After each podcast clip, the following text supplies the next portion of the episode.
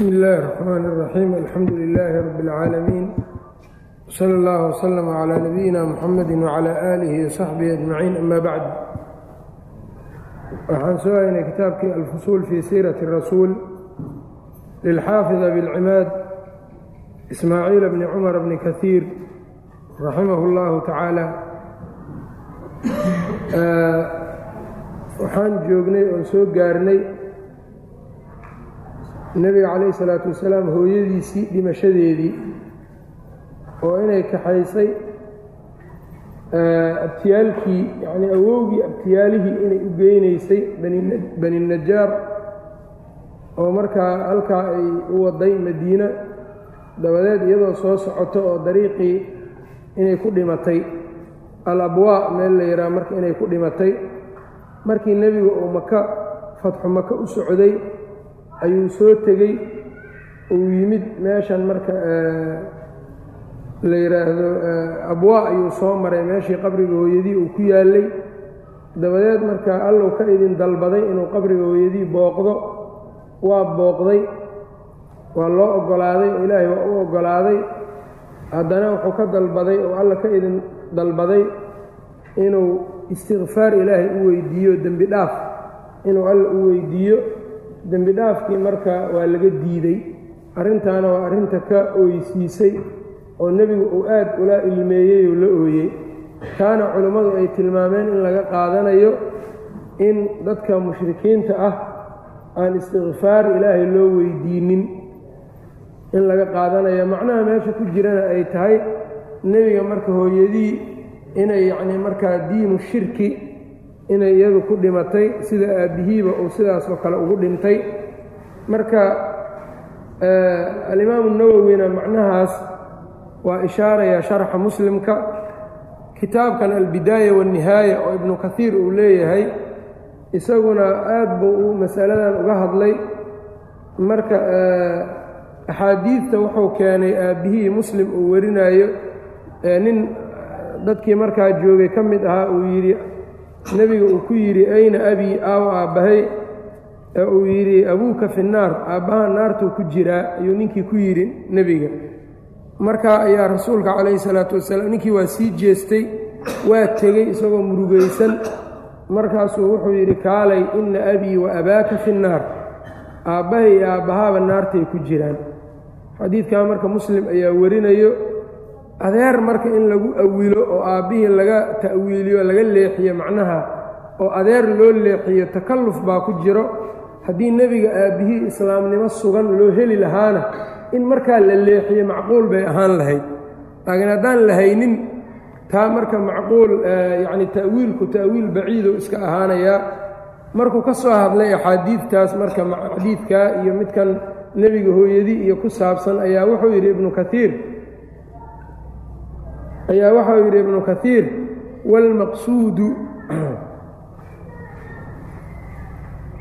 waa juska koowaad mujalladka koowaad juskiisa labaad waay lix boqol siddeetan iyo shan wاlmaqsuudu ana cabdalmuطalib ulajeeddadu waxaa weeyaan cabdulmuطalib oo nebiga awowgii ah maata calaa maa kaana calayhi min diini اljaahiliyati wuxuu ku dhintay diintii uu ku sugnaa ee jaahiliyada ahayd khilaafan lifirqati الshiicati fiihi iyadoo shiicada lagu khilaafaya arrintaa wa fi bnihi cabdulmuطalib wiilkiisii abi aalibin isaguna calaa maa sayaأtii sida imaan doonta fii wafaati abi aalib ku imaan doontana sidaasuu isaguna ku dhintay abu aalib oo nebiga adeerkii ah waqad qaala albayhaqiyu alimaamu اlbayhaqi waxa uu yidhi bacda riwaayatihi hadihi اlaxaadiid markuu axaadiidtan wariyey oo nebiga aabbihii iyo hooyadii ku tacalluqdo fii kitaabihi dalaa'il الnubuwa markuu ku wariyey ayaa waxa uu yidhi wa kayfa laa yakuunu abawaahu? Wajadduhu sidee baa nebiga aabbayaalkii iyo markaa yacnii labadiisii aabba hooyadii iyo aabbihii? Iyo wajadduhu awowgiis nebiga yacni aabbihii iyo awowgii calayhi salaatu wasalaam labadii aabba iyo awowgii bi haadihi sifati fi اlaakhirati sidee baynan aakhirada sifadan oo gaalnimada ah aynan u lahaanaynin buu yidhi. Waqad kaanuu yacbuduuna alwathan labadiisii aabbe iyo awowgiiba asnaamtay caabudi jireen calayhi salaatu wasalaam xataa maatuu ilaa ay ka dhinteen. Walam yadiinuu diina ciisa bni maryam diintii nebi ciisena kuma aynan dhimannin. Wa kufruhum kufrigooduna laa yaqdaxu fii nasabihi. Aabbihii hooyadii waa gaalo marka la leeyahay nasabka nebiga ma dhaawacayso. Ayuu yidhi alimaamu albayhaqi sababtu waxay tahay buu yidhi lianna ankixata alkufaari saxiixatun maxaa yeelay gaalada nikaaxyadoodu waa saxiix. Alaa taraahum soo arkaysid yuslimuuna inay soo islaamayaan raggu maca zawjaatihim xaasaskooda ay la soo islaamayaan. Falaa yalzamuhum ku laasimi maayo tajdiidu alcaqdi yacnii mas'alow rabaa inuu kaa daaweeyo. Haddii nebiga hooyadii aabbihii muslimiin ma aynan ahayn la dhaho.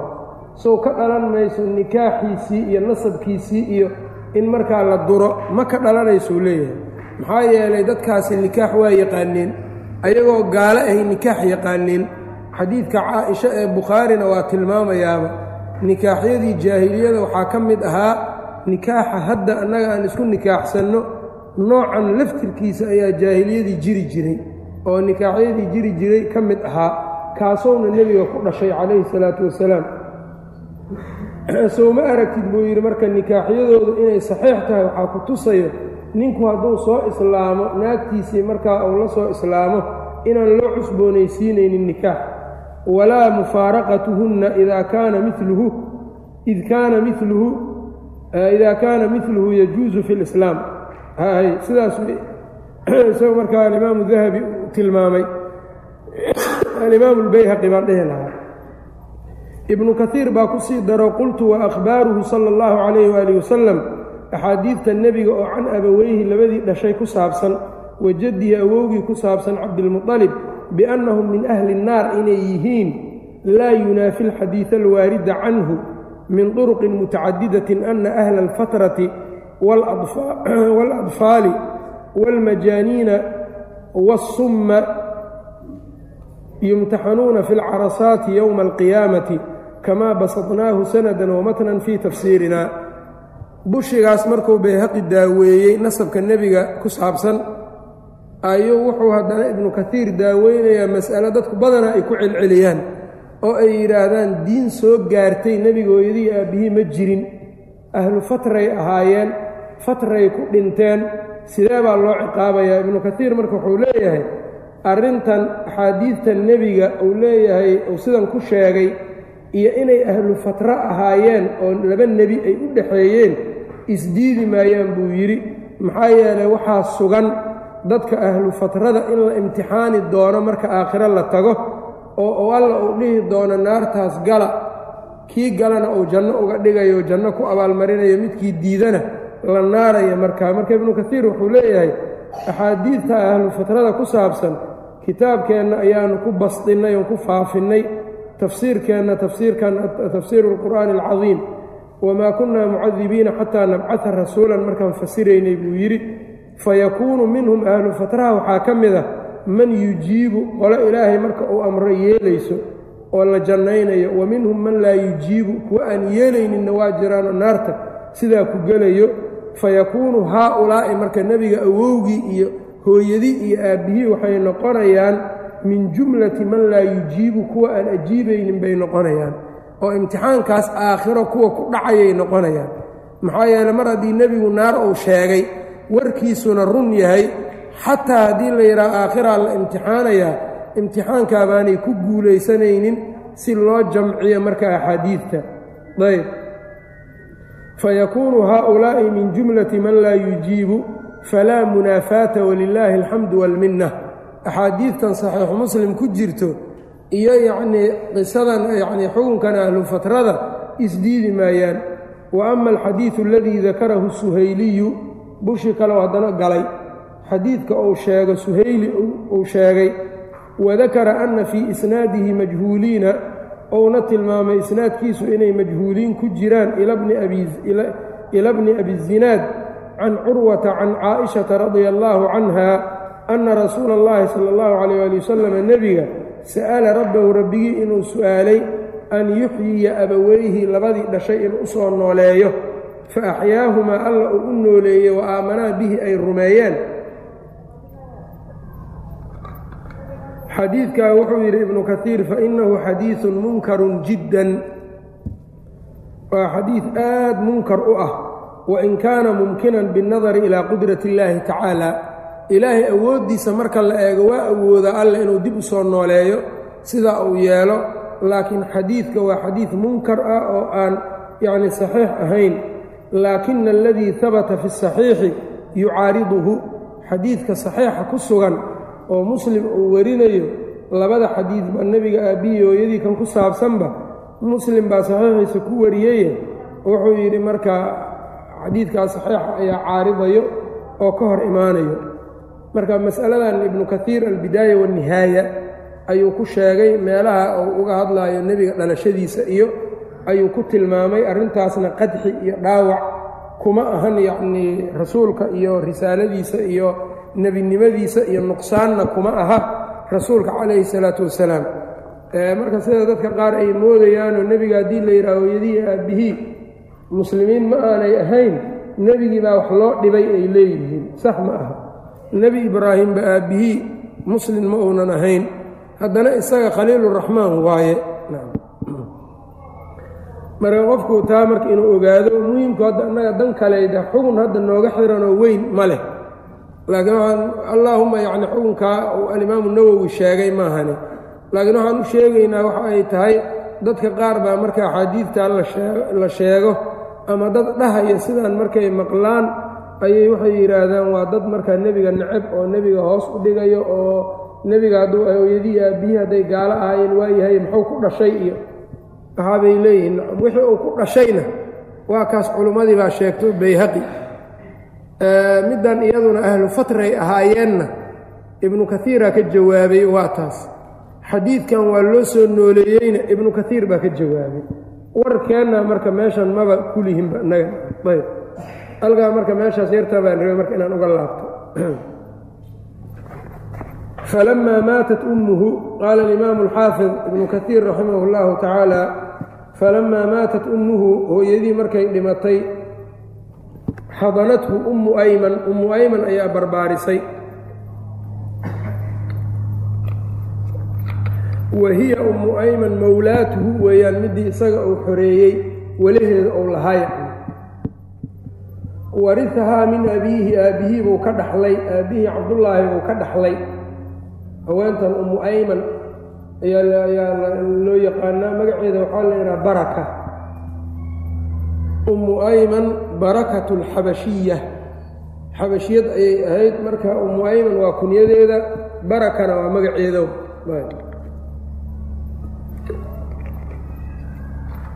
markaa rasuulka iyada ayaa barbaarisay markay hooyadii dhimatay wahiya mowlaatuhu warihahaa min abiihi. Aabbihii ayuu ka dhaxlay.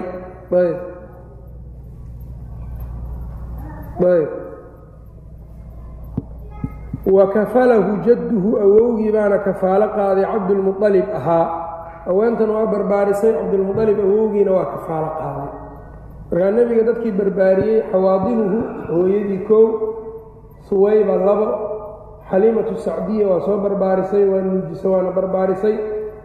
Xaliimatu sacdiya gabadheedii shiimaa la dhihi jiray oo isaga yacnii ka weynayd rasuulka da ahaan way soo barbaarisay iyaduna nebiga oo dadkii hooyadeed bay la hayn jirtay rasuulka. Ayb shiimaa ayaa la dhihi jiray markii hawaasin ayay nebiga wafdigii hawaasin ayay ka mid ahayd waa u timid nebiga gogashiiba uga kacay agtiisa ayuu fariisiyey aad buu marka u qadariyo u maamuusay. Calayhi salaatu wasalaam. Xawaadinu way marka ka mid ahayd shiimaa ayb ummu ayman iyada markaa aad baa nebigu iyaduna ugu qadarin jiray haweeney mu'minaday ahayd. Markii nebigu uu dhintay abubakar iyo cumar waa soo booqan jireen sidii nebigaba u booqan jiray. Oo xadiidkii saxiixa ah waa ogtiinoo muslim uu warinayey. Ummu ayman abubakar ayaa wuxuu cumar ku yidhi tacaala waxa aan booqanna yacnii falnazur umma ayman kamaa kaana rasuulu llaahi sala allahu calayh waali wasalam yazuuruhaa. Siduu nebiga u booqan jiroo kale kaale aan u booqanno ummu ayman. Way booqdeen waa mar nebigu dhintay ahayd iyadoo oynaysay u tageen markaasay yidhaahdeen maa yubkiiki maxaa kaa ooyinsiinayo amaa taclamiina anna maa cinda allaahi khayrun lirasuuli illaah miyaadan ogeyn waxa ilaahay agtiisa nebiga u yaallo inuu uga khayr badan yahay adduunyadan iyo meeshan uu ka tegey waxa alla agtiisa u yaalla in nebiga uu u fiican yahay miyaadan ogeyn u khayr badan yahay.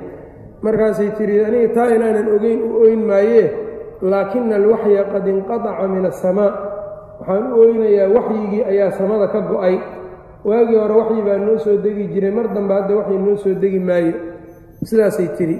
Markay hadalkaa ay tidhi ayaa abuubakar iyo cumar iyaguna ay ooyeenoo fahayajathumaa albukaa ooyinay ku kicisay hadalkaasay aad ugu ta'adureen ugu saamoobeen marka way la ooyeen iyadii bay la ooyeen. Marka ummu ayman aweentaasay ahayd ayb warihahaa min abiihi aabbihii buu ka dhaxlay oo aabbihii bay addoon u ahayd nebigaa dhaxlay. Dabcan markaa welihii haddii nebiga aabbihii uu xoreeyeyna weluhu nebiga dabcan isagu ku soo wareegayaa ila waa la dhaxlaa weliheed ayb wa kafalahu jadduhu awowgii ayaa kafaalo qaaday sidoo kale cabdulmuطalib ahaa. Falamaa balaga rasuulu llaahi sala allahu calayh waalihi wasalama nebigu markuu gaaray min alcumuri marka iyada wuxuu nebiga ku daray mowlihiisii zayd isaguna. Zayd binu xaarisa ayaa ummu ayman nebigu calayhi salaatu wasalaam zayd buu ku daray ummu ayman. Zayd marka waxay u dhashay ummu ayman usaama ummu ayman marka usaamatu bnu zayd hooyadii oo rasuulka calayhi salaatu wasalaam mowlihiisii zayd ahaa ayaa marka guursaday ummu ayman usaamay u dhashay. Walidaalika usaama radia allaahu canhu madow baa ku jiray madow. Waa madoobaa zaydna aad buu u caddaa markaasay carabtii yacnii aad u tuhmi jireen usaamo nasabkiisa. Waa kii marka iyagoo isla hurdo oo go-a labadooduba mid walbaa wejigu ka saaran yahay ee laakiin lugahoodu ay muuqdaan ayaa ninkii mujaziz almudlaji ayaa arkay. Markaasuu yidhi isagoon wejigoodii arkin inna haadihi alaqdaam bacduhaa min bacdin. Lugahan waa isleeyihiin buu yidhi qaarkood qaarka kaley ka imaadeen. Markaasaa nebiga caaisha radiallahu canha waxay tidhi rasuulkaa ii soo galayoo aad u faraxsan. Markaasaan idhi maxaa dhacay? Markaasuu yidhi qaa'ifka ninkii qaa'ifka ahaayo hidda sooca ahaa mujaziz almudlaji ayaa maanta wuxuu arkay zayd iyo usaamo isla hurdo oo lugahooda keliya ayuu arkay markaasuu yidhi labada lugood waa isleeyihiin carabtuna dadka khiyaafada yaqaana aad baa warkoodu ay uga dambeeyeen. Marka nasabkaas wax laga sheeg sheegi jiro meeshaas ku baaba'ay ayuu nebigu ku farxay calayhi salaatu wasalaam. Falamaa balaga rasuulu llaahi sala allahu calayh waali wasalam nebigu markuu gaaray min alcumuri cumriga amaani siniin siddeed sana markuu gaaray amaaniya siniin tuwufiya jadduhu awowgii baa la oofsaday oo cabdulmualib baa dhintay. Cabdulmualib markaa waa dhinto makuu ku dhintay meesha xajuun la ihaa ayaa lagu aasay oo lagu duugay wa awsaa bihi ilaa cammihi adeerkiibuu kala dardaarmay abi aalibin ahaa. Cabdulmualib marka nebiga adeerkii abu aalib buu kala dardaarmo waxa uu yidhi ilaali inankan sha'ni buu yeelan doonaayo marka wuxuu maqli jiray dadkan yacnii waxbuu ka dareemay ama uu ka arkay ama uu ka maqlayba ayb yahuudda iyo yacnii nasaaradii dadkii kitaabada yaqaanay ayuu wax ka maqmaqlay. Markaabuu wuxuu yidhi aad iigu ilaali inankan aadna iigu barbaari.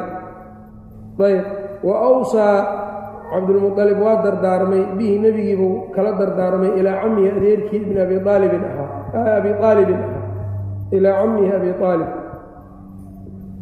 liannahu maxaa yeelay abuu aalib kaana wuxuu ahaa shaqiiqa cabdillaahi nebiga adeer aabbihii cabdullaahi walaalkii ku hooyo ku aabba ahaa buu ahaa fakafalahu abuu aalib baa kafaalo qaaday waxaadahu waana ilaaliyeyoo waa koolkooliyey atama xiyaadatin yacnii koolkoolin midda ugu dhammaystirnaan badan yacnii aad buu u barbaariyey wa nasarahu waa u hiiliyeyoo waa u gargaaray xiina bacaahu llaahu markuu ilaahay soo bixiyey xiina bacaahu llaahu markuu alla soo saaray acaza nasrin gargaar midkii ugu adkaaba u gargaaray.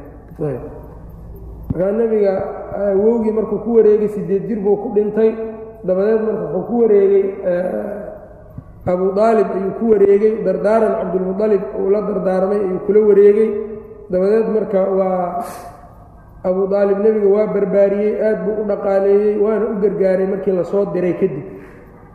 Acaza nasrin maca annahu haddana isagoo abu aalib kaana uu ahaa mustamiran mid markaa daa'im ku ah calaa shirkihi shirkigiisa ilaa an maata ilaa uu ka dhintay. Isagoo gaal ah oo mushrignimadiisii ku taagan ayaa abu aalib nebigu haddana uu hiilin jiray. Marka jacaylka abu aalib wuxuu ahaa jacayl dabiici ah jacayl diini ama aanu ahayn oo ilaa jacayl diini hadduu ahaan lahada muslim buu noqon lahaaban jacaylkiisu wuxuu ahaa marka waa maxabba oo dabiici ah oo qaraabanimo ayuu jeclaaday oo alla u geliyey laakiin abu aalib ma islaamin culammadu marka waxay yidhaahdaan xikmada abu aalib in islaamka aanu gelin haddana nebigu uu sidaa ugu kaalmeeyo xikmada ka dambaysay waxay ku sheegaan haddii abu aalib nebiga diintiisa uu soo geli lahaa oo awalu amrihiba mar allaale markii nebiga la soo diro waa islaamay waana garab istaagay uu dhihi lahaa shay gaalada kale uu la wadaago oo uu nebiga uga dhiciyo ma aanu heli lahayn. Marka abu aalib geesna nimankan waa ku diinu ahaa oo xagga marka mushrignimada iyo diintaas iyo waa ku cisay jireen. Isagiina nebiga hiiladiisuna nebigay jirtay dhinaciisa marka bal fiiri ilaahay xikmadiisa yacnii hiiladiisiina nebigaa la siiyey qaasim mushtarak shay ay mushtarak ku yihiin isaga iyo acdaa'dii rasuulkana waa loo yeelay waa shirkigaas. Nacam ilaahay marka isaga garanaya dadka marka sida uu u kala hanuunka iyo baadida iyo xikmad unbaa alla uu ka leeyahay subxaanahu wa tacaala ayb sidaasaa marka ibnu kaiir iyo culummadu marka ay tilmaamaan ayb walidaalika nebiga abu aalib nebiga kama aanu aqbalin islaamnimada waa ka diiday isagoo weliba og diinta nebigu inay diin xaqa tahay. Ayb waxaaqahu atama xiyaadatin wanasarahu waa u hiiliyey xiina bacaahu llaahu markuu ilaahay soo bixiyey acaza nasrin hiilo midda ugu adayg badan maca annahu kaana isagoo weliba ahaa mustamiran mid joogto ku ah calaa shirkihi shirkigiisa ilaa an maata intuu ka dhintay fakhafafa allaahu alla wuu ka fudaydiyey bidaalika gargaarkaa nebiga uu u gargaaray sababteeda. min cadaabihi cadaabkiisiibuu fududeeyey. kamaa saxa alxadiidu sida xadiidku ku ansaxay bidaalika kaagaas. waa xadiid bukhaari iyo muslim ay warinayaan. Cabaas bnu cabdilmuطalib ayaa nebiga ku yidhi yaa rasuula allah hal nafacta abaa aalibin bishayin abuu aalib wax maku tartay fainahu kaana yaxuuduka wayaqdabu laka waa ku caroon jiray waa ku koolkoolin jiray. wayansuruka riwaaya waxay leedahay waa kuu gargaari jiray. markaasuu yidhi nacam haa waan anfacay huwa fii daxdaaxin min naarin meel yacnii aan god ahayn ayuu naarta uga jiraa riwaayo kalea tilmaamayso meeshaan godka ahayn waxaa weeyaan laba kabood oo naareed ayaa loo gelinayaa riwaayo kale waxay leedahay labadiisa rays ma gaarto. Qofku markuu cagta dhulka dhiga meesha aan dhulka taabanaynin oo cagtu ay ka qalloocdo ayaa dhuxul naareed laba dhuxul oo naareed ayaa laga saarayaa fa yaqlii bihimaa dimaaquhu maskaxdiisaa la karkaraysa marka. Cadaab waa ku jiraa dabcan. Haddana laakiin haddaan nebigu aan aanu ahaa lahayn iyo middaa nebiga shafaacada rasuulka haddaynan ahaan lahayn meel mool ah ayuu naarta uga jiri lahaa. Marka maxaad malayn in isaga dhan naartii ku jiro? Iyadoo marka laba dhimbil ay hayso sidaa ahaa. Haddii isaga dhanba la geliyo si ugagama darnaan lahayd walowlaa ana haddaanan aniga ahaynna lakaana fi darki alasfali min annaar. Naarta mee dabaqa uga hooseeyo ayuu ku jiri lahaa buu yidhi. Marka shafaacada keliya ee qof gaala ou helay middanay noqotay waxaa dareemaya marka shafaacadu gaalku shafaacada yacnii shafaaco naarta looga soo bixiyo ma helaayo gaal shafaaco helayo naar looga soo saaro. Hadday jiri lahayd abuu daalib ahal u noqon lahaa mana helin isaga waa kaa naarta aan laga soo saaraynin. Isagana marka abujahl iyo waxaa lugooyey iyo cabdullaahi bnu abi umaya oo iyaga markii nebiga uu u yimid oo uu yidhi yaa cammu qul laa ilaaha ila allah. Iyaga ayaa waxay lahaayeen atargabu can diini cabdilmualib war ma diinta aabbahay aad nacaysaa iyagii baa marka sabab u noqday. Wa kharaja bihi camuhu ila shaam fii tijaaratin. Wa kharaja bihi camuhu adeerkii baa la baxay ila shaami. Shaam ayuu la aaday fii tijaaratin yacnii badeeco iyo ganacsi dhexdii isagoo markaa safarkeed ku jiro wa huwa isaga oo ibnu hintay casharata sana labiyo toban jir isagoo ah labiyo toban markuu nebigu jiray ayuu la baxay. Tijaaro ayuu ganacsi uu u socday ayuu hore ugu kaxaystay. Wadaalika min tamaami lutfihi bihi. Wadaalika kaagaasna min tamaami lutfihi weeyaan u turistiisa abuu daalib bihi nebiga uu u turayo dhammaystirnaanteeday weeyaan yacni xataa markuu safarka aaday waa kaxaysan jiray siduu ugu dadaali jiray keliya. Licadami man yaquumu bihi idaa tarakahu bimaka sababta u kaxaysanayana waxay ahayd licadami man qof la'aantii yaquumu bihi uu istaagaya isaga idaa tarakahu hadduu kaga tago bimakata maka hadduu uga tago cid yacni u istaagayso inaynan jirin darteed ayuu u kaxaysan jiray. Fa ra'aa huwa wa asxaabuhu. Abuu daalib iyo asxaabtiisii la socotay waxay arkeen miman kharaja macahu dadkii la baxay ila shaami shaam la aaday min al aayaati mucjizaadkii nebiga la siiyey waxay ka arkeen fiihi isaga dhexdiisa sala allahu calayh waali wasalama maa shay bay ka arkeen zaada ku kordhiyey cammahu adeerkiis fil wusaati bihi dardaaran marka isaga markaa yacnii uu kala u dardaarankii loo dardaarmay adkayntiisii wax u siyaadiye ayuu ku arkay waalxirsi calayhi uu dadaal isaga loo dadaalo wax u sii kordhiyo ayuu ka arkay. Yani mucjizaadkii nebiga waxyaabihii nebiga la siiyey khawaariqulcaadaadka ee uu safarkaa ku arkay abuu daalib waxay ku kordhiyeen inuu u sii dadaalo nebiga calayhi isalaatu wasalaam. Mucjizaadkaana marka isagaa sheegi doona ibnu kaiir waxyaabaha ambiyada ilaahay la siiyo culimmadu waxay u qaybiyaan ee khawaariqulcaadaadka ah. Khawaariqulcaadaad waxaa la yidhahdaa waxyaabaha caadada ka baxsan. Yanii dadka sunnada nolosha dariiqa nolosha dadka ay ku barteen wixii ka duwanoo ka baxsan. Ambiyada ilaahay marka labaa la siiyaa laba. Waxna waxaa la yidhahdaa irhaasaat.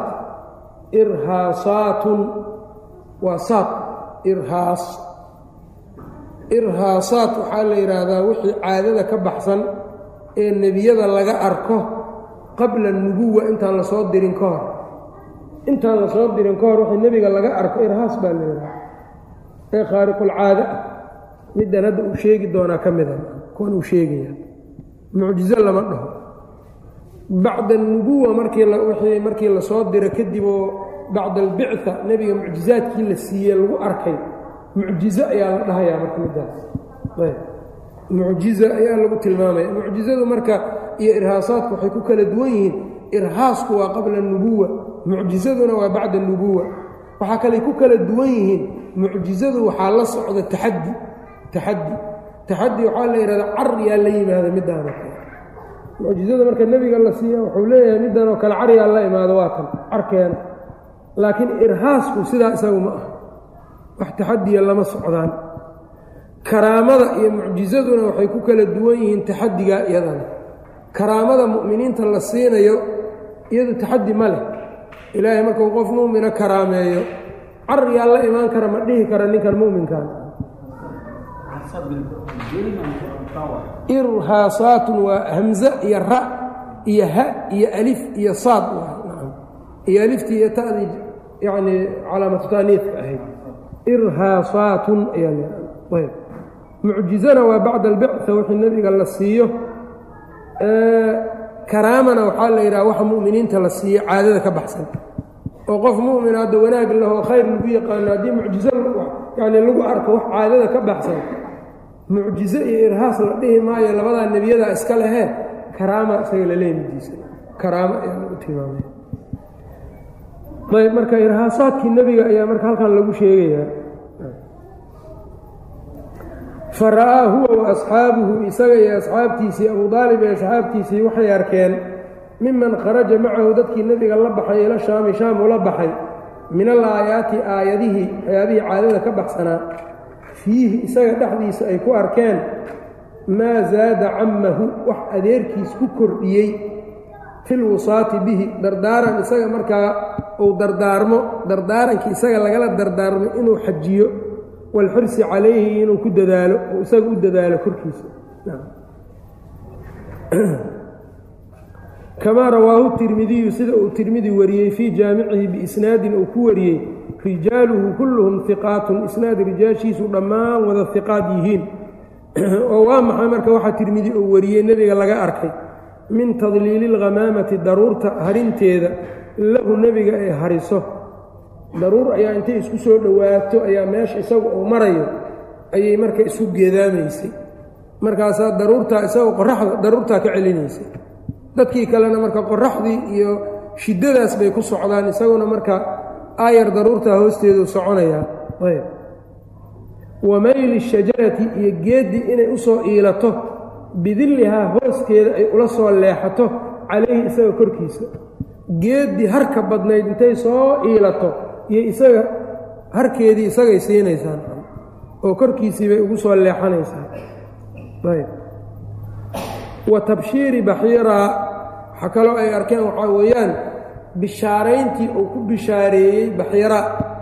Baxiiraa marka nin raahiba buu ah baxiira alraahib wa tabshiiri baxiiraa bishaarayntiisii alraahibi ahaa.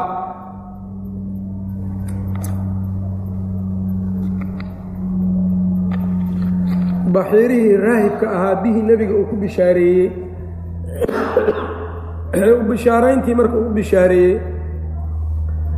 Wa amrihi iyo amriddii baxiiraa ninkaa la yidhaah uu amray licammihi nebiga adeerkii abi aalib birujuuci bihi inuu la laabto ayb. lianlaa taraahu lyahuudu si aysan yahuuddu u arkin. fayaruumuunahu markaa yahuuddu ay la doonaan suu-an xumi. Ayb. ila waa xaasidiine wاlxadiiثu ibnu kaiir marka waxau yidhi xadiidka lahu aslun buu leeyahay maxfuudun xadiidka asal maxfuuda buu leeyahay wa fiihi ziyaadaat ukar ziyaadaad kalena waa leeyahay. Marka ibnu kaiir ziyaadaadka waa ka jeestay kaannahaa marka ziyaadaadku inaynan xoog badnayn intan uu sheegay un markaa ay saxiix tahay.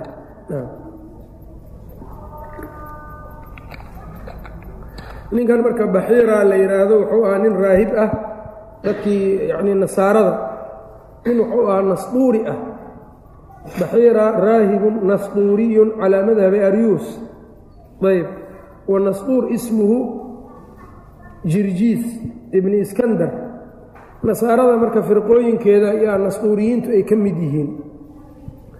Nasduuriyiintu waa kuwan katooliga iyo waxaas kuwayaalkaasoo kale ayb. Ninkaa marka nasduuri buu ahaa baxiira nin marka sowmaco yaroo meel yaroo mawlaca ku cibaadaysta ayuu ahaa. Diintii marka hore diimihii hore jirayna wax ka yaqaanay aad u cibaado badnaa. Carabtu marka sowmacadiisa ayay soo mari jireen meeshan isagu uu dhistay samaystay lama hadli jirin. Markii nebiga calayhi salaatu wasalaam uu safarkii nebigu abuu daalib uu soo raacay ayuu u yeedhay cuntuu u sameeyey sida ibnu kaiir albidaaya wanihaaya uu ku sheegayo. Cuntuu u sameeyey markaasay yidhaahdeen cunto nooma samayn jirine maxaa kala jeedaa maanta? Markaasuu wuxuu yidhi kulligiin ii wada imaada cidna ha ka soo teginina intii isla socotay markaa rasuulka markaa wiil yar buu ahaa da ahaan. Isagu markaa way ka soo tageen meel bay uga tageen intoodii waaweynayd baa u soo galay. Markaasuu yidhi intuu eeg eegaybu wuxuu yidhi maya wax axad idinka maqan oo ayd ka soo tagteen ma jiraan markaasay yidhahdeen wiil yar baan ka soo tagnay keena buu yidhi isaga laftirkiisa waa keenay nebigiibuu marka arkay waa gedgediyey calaamadii khaatamunubuwihii buu fiiriyey wixii uu nin kitaab yaqaan buu ile ahaaye wuxuu kitaabkii ku arkay injiil iyo uu ku ararki jiray buu baaray. Markii uu ogaaday ayuu sidan ku yidhi abuu daalib ninkan celi buu yidhi wiilkan celi la laabo.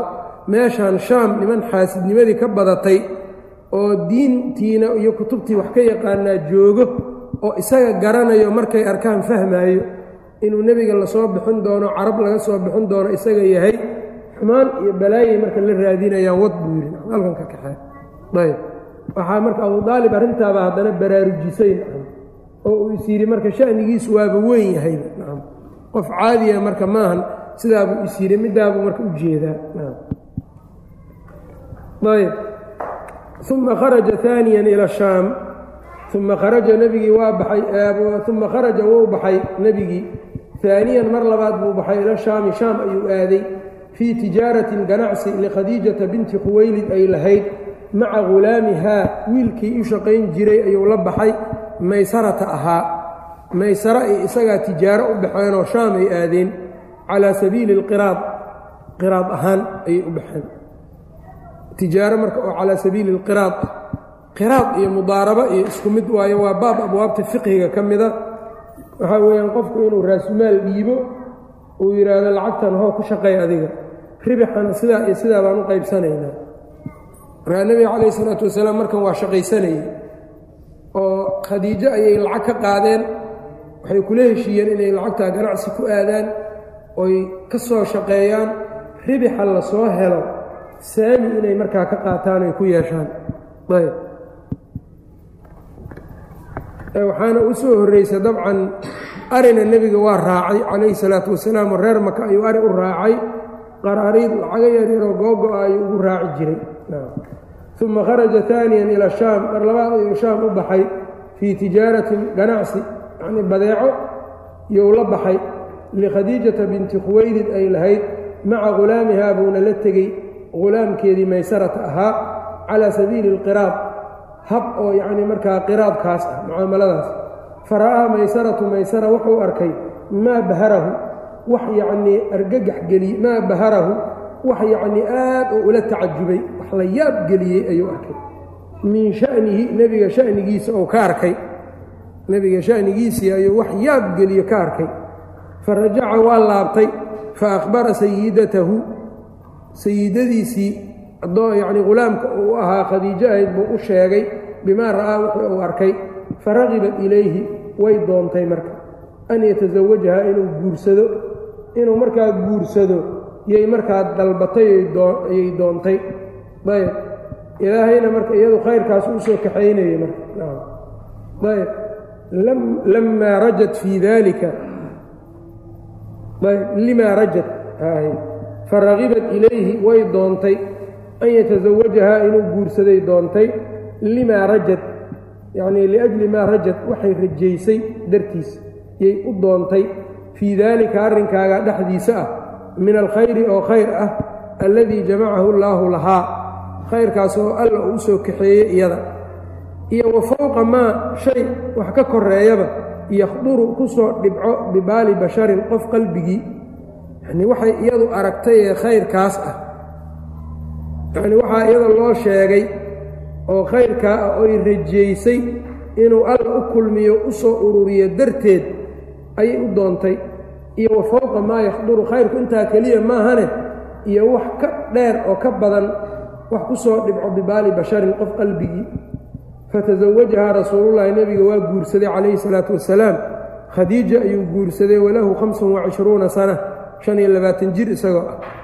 Markaa nebigu waxaa weyan xaaskii ugu horreeyey guursaday khadiijay ahayd cid lama guursanin iyada ilaa ay ka dhimatay yacnii nebigu haweenka lama guursanin ma isku dayin abu aalibaa u doonay oo yacnii isaga ayaa u doonay khadiija radia allaahu canha iyadu marka hayiba ayay ahayd oo garoobay ahayd. Nebigu aad buu u qiimayn jiray iyadana wax badan bay la qabatay. Saan arki doonno jannou ugu bishaareeyey guri aan buuq lahayn jawharad iyo luul ka samaysan oo jannadii baa loogu bishaareeyey ilaahay baa salaan u soo akhriyey oo nebiga jibriil baa yimid nebiga u yimid u sheeg baa la yidhi marka khadiija in ilaahay subxaanahu wa tacaala uu salaan u akhriyey oo u soo diray u sheeg sidaan. Waana haweenkii nebiga midda ugu fadliga badnayd bay ahayd khadiija radia allaahu canha dhammaan iyadaa ka fadli badnayd xataa caaisha radia allaahu canhunna. Ayb. Meelahaasoo dhan bay marka uga fadli badnayd caaisha radia allaahu canha iyadaa waxay tidhi weligay naag kama aanan masayrin sida aan uga masayray khadiija. Mana arkin bay oo yacnii ani iyadana islama keen qabin bay tiri nacam. Haddana maca daalika waan ka masayray. Maxaa yeelay nebiga aad buu u sheeg sheegi jiray. Markaasaa waxaan idhi bay tihi sheeg sheeggeedii waad badisay khadiija. Ee maxaa dhacay? Markaasuu wuxuu yidhi innahaa kaanat wa kaanat wa kaanat wa kaana lii minhaa awlaadun way ahayd oo saasay ahayd oo saasay ahayd oo saasay ahayd. Awlaadna yacni ilaahay uu iga siiyey saasuu yidhi. Ayb. Marka aad baa nebigu xusuustiisu marna kama go-in khadiija radia allaahu canha. Shan iyo labaatan jir markuu ahaabuu markaa guursaday. Ilmihiisa marka ibraahim marka laga reebay inta kale iyadaa dhashay. Ibraahimna addoontiisii maariya u dhashay. Ayb wa kaana allaahu subxaanahu ilaahay qad saanahu nebiga wuu ka ilaaliye wuu dhowray. Waxamaahu waa ilaaliyey. Min sikarihi yaraantiisiiba ilaahay waa ilaaliyey. Wa daharahu waa ka nadiifiyey. Min danasi iljaahiliyati jaahiliyada wasakhdooda. Markay meel ka wacaan oy hilib iyo waxaa asnaam ay markaa u gowraceen iyo laata iyo cusaha iyo markii looga yeero rasuulka waa diidi jireen ma cuni jirin isaga iyo zayd bnu camr bni nufayl saciid binu zayd cashara almubashariinka ka mida aabihii oo cadawiga ahaayo cumar ay ilmaadeerka ahaayeen ninkaa zayd bnu camr bni nufayl iyo isaga ayaa maalintay meel iskugu wada yimaadeen meel quraysh wax ku qabto oo hilib iyo waxaa la keenay ayaa nebigu uu iska dheereeyey zayd bnu camr bni nufaylna ma uunan cunin isaguna oo wuxuu yidhi war rida ilaahay baa abuuray cawska allah u soo saaray roobka uu cawska ku baxay allah abuuray miyaydnan ka xishoonaynin inaad laata iyo cuso u gowracdaan marka.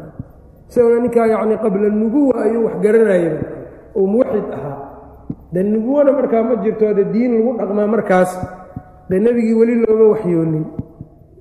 Diin buu raadin jiray marka. Intuu shaam tegey ayuu yahuudi u tegey. Waryaa diin xaqa hayo markaasay waxay ku yidhaahdeen haddaadan lacnad rabin.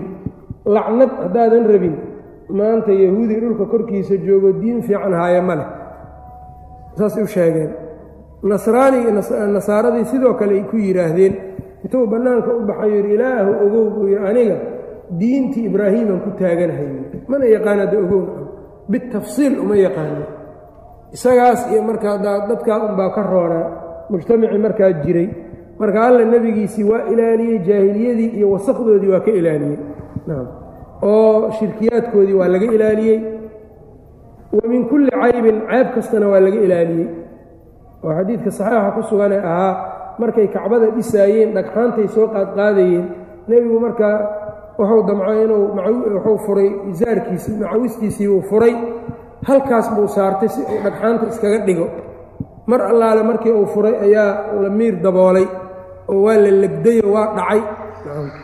Markaasaa markaa ayuu maradii dib u xirtay dib dambe lama arkin nebigoo maro furaayo oo yacnii mara meelaan yacni munaasab u ahayn ku furaya lama arag marka dhowriddii alla uu dhowray ka mid ahayd calayhi isalaatu wasalaam. Ayb. Wa min kulli caybin cayb kastoo alla ka dhowray wamanaxahu kulla khalqin wamanaxahu kulla khuluqin jamiilin wamanaxahu wuxuu ku mannaystay oo uu yacnii ku galla uu siiyey oo ugu deeqay kulla khuluqin dabeecad kastoo jamiilin qurux badan oo wanaagsan ayuu siiyey. Xataa lam yakun yucrafu bayna qowmihi xataa intii lam yakun uunan ahaanin isagu xataa lam yakun yucrafu. Intuusan ka ahaanin isaga in loo yaqaanay bayna qowmihi qowmkiisa dhexdooda ilaa bilamiini mooyaane wax kaleba aan loo aqoonin xataa lam yakun yucrafu intaan looga garaninba isaga aan loo aqoonin bayna qowmihi qowmkiisa tolkii dhexdooda ilaa bilamiini unbaa loo yaqaanay ayb limaa shaahaduu waxay arkeen darteed min dahaaratihi dahaaradiisa ah dahirnaantiisa wa sidqi xadiidihi warkiisa yacnii runnimadiisa wa ammaanatihi iyo ammaanadiisa yacnii isku soo duuduub mujtamaci uu la noolaa qabla albicta xumaantoodii o dhan waa laga dhowray. Sidqi iyo run iyo wanaag baa alla uu ku dhowray taasuuna ku caanbaxay. Moxamedulamiin ayay dhihi jireen howlahooda iyo arrimahooda waaweynna mararka qaar markay isku murugto arrintooda isagaa kala bixin jiray. Isagoo weli markaa afartan gaarin.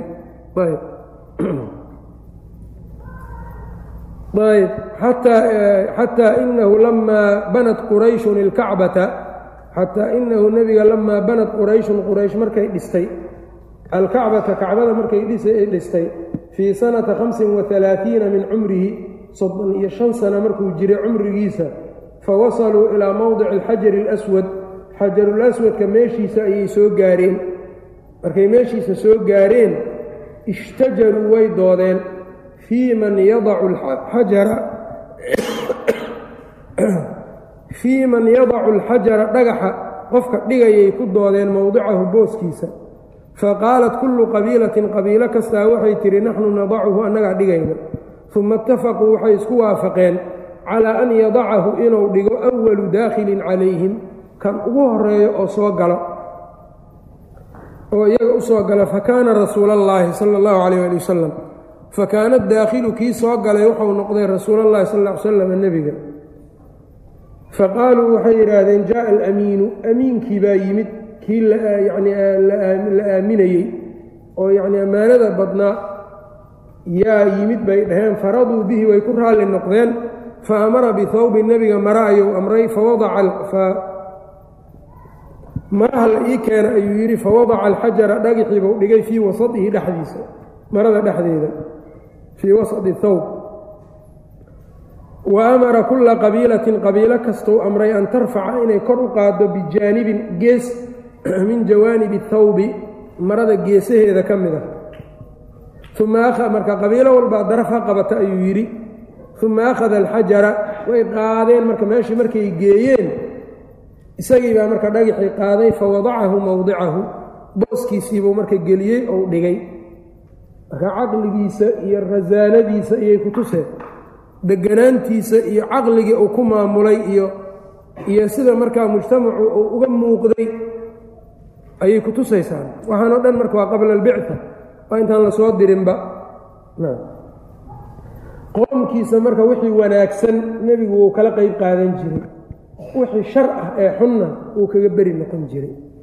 Waana sida qofka mu'minka u wanaagsan inuu ahaado. Ayb oo rasuulka calayhi salaatu wasalaam qoomkiisii wuxuu kala qayb galay xilligii jaahiliyadii xilfi iyo isdhaarsi bahwadaagsi ay sameeyeen ayuu kala qayb galay nebiga sala allahu calayh ali wasalam bahwadaagsigaa wuxuu ahaa xilfulfuduul ayaa la dhihi jiray. Dadka nimankan carabtaa dad yacnii qofka daciifkaa ama qabiilkiisu meesha aanu ku badnayn iyo waa dhibi jireen. Marka mar mararka ka mida baa ilaahay wuxuu ku soo duway inay intay isu tagaan dhowr iyaga yacni dhowr qabiilo.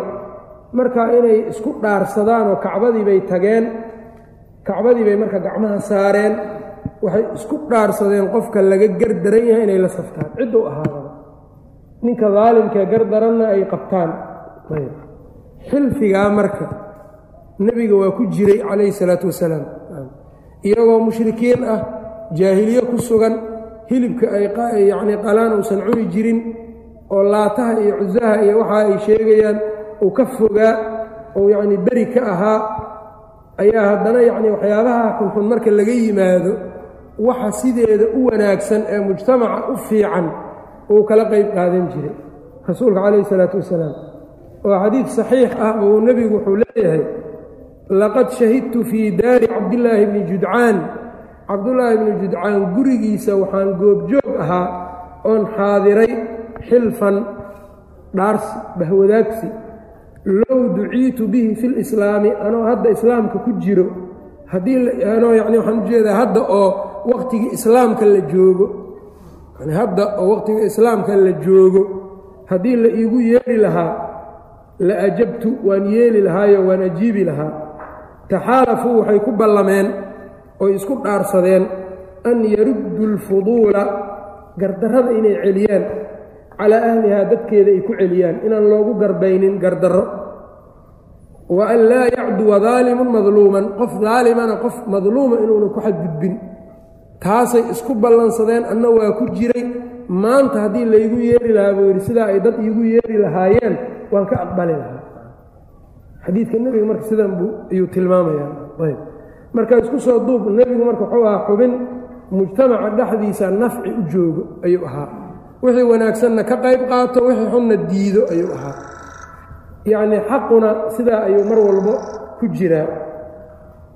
Ayb. Xaquna mar walba sidaa ayaa marka uu yahay. Walidaalika marka masalada halkan ka soo boodaysaa waxay tahay dadka gaalada iyo kuwa ahlu bidcada iyo kuwa ahlu fujuurka ah hadday iyagu u yeertaan oy qofka ugu yeeraan wax ilaahay xurumaadkiisa lagu weynaynayo hadday ugu yeeraan in la ajiibayo la yeelayo. Bidcadooda iyo shirkigooda iyo kufrigooda iyo macaasidoodana laga beri noqonayo.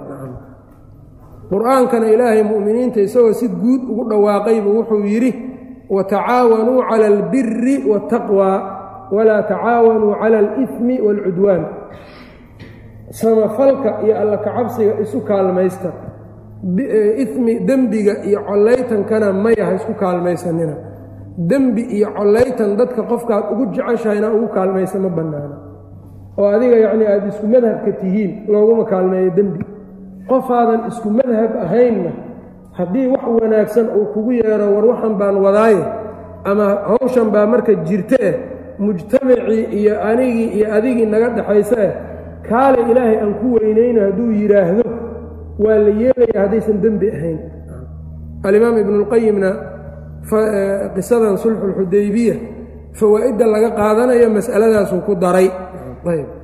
Marka aayaddii qur'aanka axaadiidtii rasuulka iyo tadbiiqii nebiga calayhi salaatu wasalaam sida nebiguba uu dabaqay iyo marka laysu geeyo culimmada islaamka fahamkooda ibnu taymiya ibnuulqayim iyo kulli waxay keenaysaa wax la yidhaahdo ma jiro tacaawun dadka mukhaalifiinta ah oo yacnii dariiqa saxda ah khilaafsan.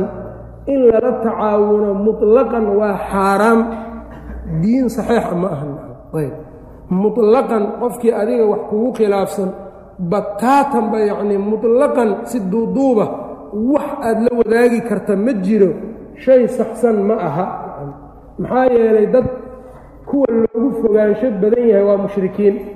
Mushrikiintii nebigu uu ugu fogaanshada badnaaye la og yahay haddana yacnii gardarrada in la qabto hadday iyagu ka timid waa ku taageeray. Markii kalena kacbada markay yidhaahdeen sulxuulxudaybiya kacbadii xurumaadkeedii iyo inaan lagu dagaalamin iyo markay nebiga u soo bandhigeen waa ka yeelay rasuulka weliba wuxuu u qaatay arrimo aan la qaadan karin ayuu nebiga iska laqay uu qaatay. Liajli xurmada kacbada in la ilaaliyo. Iyaguna markaa way ilaalinaayeen isagiina waa u yeelay. Markii nebiga lagala hadlayna waa tii uu yidhi maanta hadday iigu yeeraan uu yidhi shay ilaahay xurumaadkiisa ay ku weynaynayaan. La ajabtuhum waa u ajiibi lahay waan ka yeeli lahaa shay ay xurumaadka alle ku weynaynayaan marka fuhuum fara badan baa marka isku qaldan. Waxaa laga yaabaa qofku inuu yidhaahdo qole heblaayo qolo waayo waa xisbi fakerkaasay wataan. Maxaa anaga ayaga naga dhexeeyo kuleyn adiga iyaga waxaa idinka dhexayn karo wixii biri iyo taqwo ah. Wixii alla kacabsiya waa idinka dhexeeyaan idinku. Maxaa yeelay dad kuwii loogu fogaanshada badnaa baa xaalkooda nebigu uu sidan ka dhigay calayhi salaatu wasalaam bal uu yidhi low duciitu bihi fi lislaami la ajabtu. Haddii hadda islaamkii lagu jiro wakhtigan hadda haddii la iigu yeeri lahaa waan ka ajiibi lahay waan ka yeeli lahaa. Marka qof walbow adiga qaacidadan qur'aanka ku hor taallo watacaawanuu cala albiri waاtaqwa walaa tacaawanuu cala alifmi wاlcudwaan aqwaal culimo marka hadday dhacdaba inay jirto marka yacnii ama ahlucilmi hadda dad joogo ama kuwaan jooginoo hadday yidhaahdaan maalan yacnii ay si wax u sheegaan waa in la tawjiihiyo. Maahan in la yidhaha axaadiidtii iyo aayadihii inta laga tago sheikh hebelaa yidhi uun markaa calan laga daba qaato sax ma aha. Maxaa yeeley nebigii sunnadiisii waatan aayaddii qur'aanka waataa dadkii kale iyaguna marka yacnii diinta fahmayna si sariixay u sheegeen. Alimaam ibnuulqayim zaadulmacaadka uu yidhi waxaa laga qaadanayaa qisatu sulxi alxudaybiya gaalada mushrikiinta ah ahlu bidcada ahlu fujuurka. Hadday kugu yeedhaan arrin ay ilaahay xurumaadkiisa ku weynaynayaan ujiibuu waa laga yeelayaa. Wa in municuu hayrahu wixii aan intaa ahayn laakiin oo qallooca waa loo diidayaa la siin maayo. Waa laga joojinayaa. Marka shirkiga iyo bidcada iyo macsida iyo koox ku biiridda waa dalaal lama ogola. Intii yacnii shay markaa alle xurmadiisa lagu weynaynayana qofkii muslima iyo balkaan muslim ahayn xataa hadduu keeno khudda alle uu ku weynaynayo xurumaadkiisa waa yeelaynaa annagu is hortaagi mayno. Ayb. Xaqa marka sidaa weeyaan. Markaa wuxuu yidhi uma akhada alxajara fawadacahu mowdicahu buu dhigay meeshiisii sala اllahu calayh waalihi wasalam faslun mabcaثuhu sala اllahu calayh waalihi wasalama soo bixintii nebiga la soo bixiyey walamaa araada allahu tacaala ilaahay marku doonay raxmat alcibaadi addoommada naxariistooda wa karaamatahu karaamadooda markuu doonay ayb biirsaalihi dirid uu ku karaameeya marka soo dirid oo nebiga uu diro ilaa rabbi alcaalamiina ila alcaalamiina caalamiinta uu u diro walamaa markii araada allaahu tacaala alla uu doonay raxmat alcibaadi addoommada naxariistooda markuu doonay inuu naxariisto wa karaamatahu maamuusitaankooda yacnii karaamayntooda markuu doonay biirsaalihi diris ou yacnii u diro rasuulka uu diro ila alcaalamiina caalamiinta uu u soo diro xababa ilayhi alkhalaa xababa ilaahay wuxuu jeclaysiiyey ilayhi nebiga alkhalaa'a buu jeclaysiiyey keli noqosho fa kaana yataxanatu wuxuu ahaa markaa inuu ku cibaadaysanayo bigaari xiraa godka xiraa la yidhaahdo. Qaari xiraa marka waa god markaa buur dheer weeyaanoo marka maka gees uga taallo. Ayb. Halkaa ayuu marka ku cibaadaysan jiray. Fa kaana nebigu wuxuu ahaa yataxanatu inuu ku cibaadaysanayo bigaari xiraa godkaa xiraa la yidhaahdo. Ayb. Godkaa waxaa weeyaan nebigu marka halkaa unbuu aaday maahee isagu marka in loo qasdoo la aado oo la barakaysto oo wax lagu soo akhriyo iyo ama habeenno lagu hoydo iyo dadka qaar siday samaynayaan sunna ma aha kamaa sidii kaana yasnacu uu samayn jiray daalika kaagaas mutacabiduu daalika azamaan wakhtigaa dadkii joogay kuwooda cibaadada badnaa oo cibaadaysan jiray sida ay yeeli jireenba oo dadkaa waagaa joogay dadkii cibaadaysan jireen intay gaar dadka uga baxaan ayay buurtaas xiraa ayay tegi jireen halkaabay intay ku keli noqdaan ayay ku cibaadaysan jireen. Kamaa qaala abuu aalibin abuu aalib sida uu yidhi fii qasiidatihi almashhuurati qasiidadiisii caanka ahayd allaamiyati ee laamiyada loo nisbeeyey wa hawrin waman arsaa habiiran makaanahu waraaqin libirin fii xiraa'in wanaasili wa hawrin baan ku dhaaranayaa godka hawr waman ayaan ku dhaaranayaa iyo macbuud arsaa yacnii alle rabbi arsaa qotomiyey habiiran buurta habiir la yidhaahdo makaanahu booskiisa ku qotomiyey ayaan ku dhaaranayaa iyo waraaqin mid korayo. Ayb libirin liajli birin samafal iyo cibaado darteed u korayo fii xiraa'in calaa xiraa'in buurta xiraa korayo iyo wanaasilin iyo mid degayaan ku dhaaranayaa markaa wuxuu u soo deliishanayaa ibnu katiir meeshan beydkan dadkii waagaa joogay buurahaas inay intay tagaan ku cibaadaysan jireen. Wa hawrin baan ku dhaaranayaa buu yidhi hawr iyo waman macbuud arsaa rabbi yacnii arsaa. Qotomiyey habiiran buurta habiir la yidhaahdo habiir marka waa buur ku teedsan ilaa mina soo gaarta waa middii ay dhihi jireen marka ay maalinta yacnii habeenka ay musdelifo baryaan. Subaxii markay soo kacaan ciidda ay iyagu intay cabbaar musdelifo ku daahaan ilaa ay qoraxdu ka soo baxdo ay dhihi jireen ashriq habiir kayma nagiir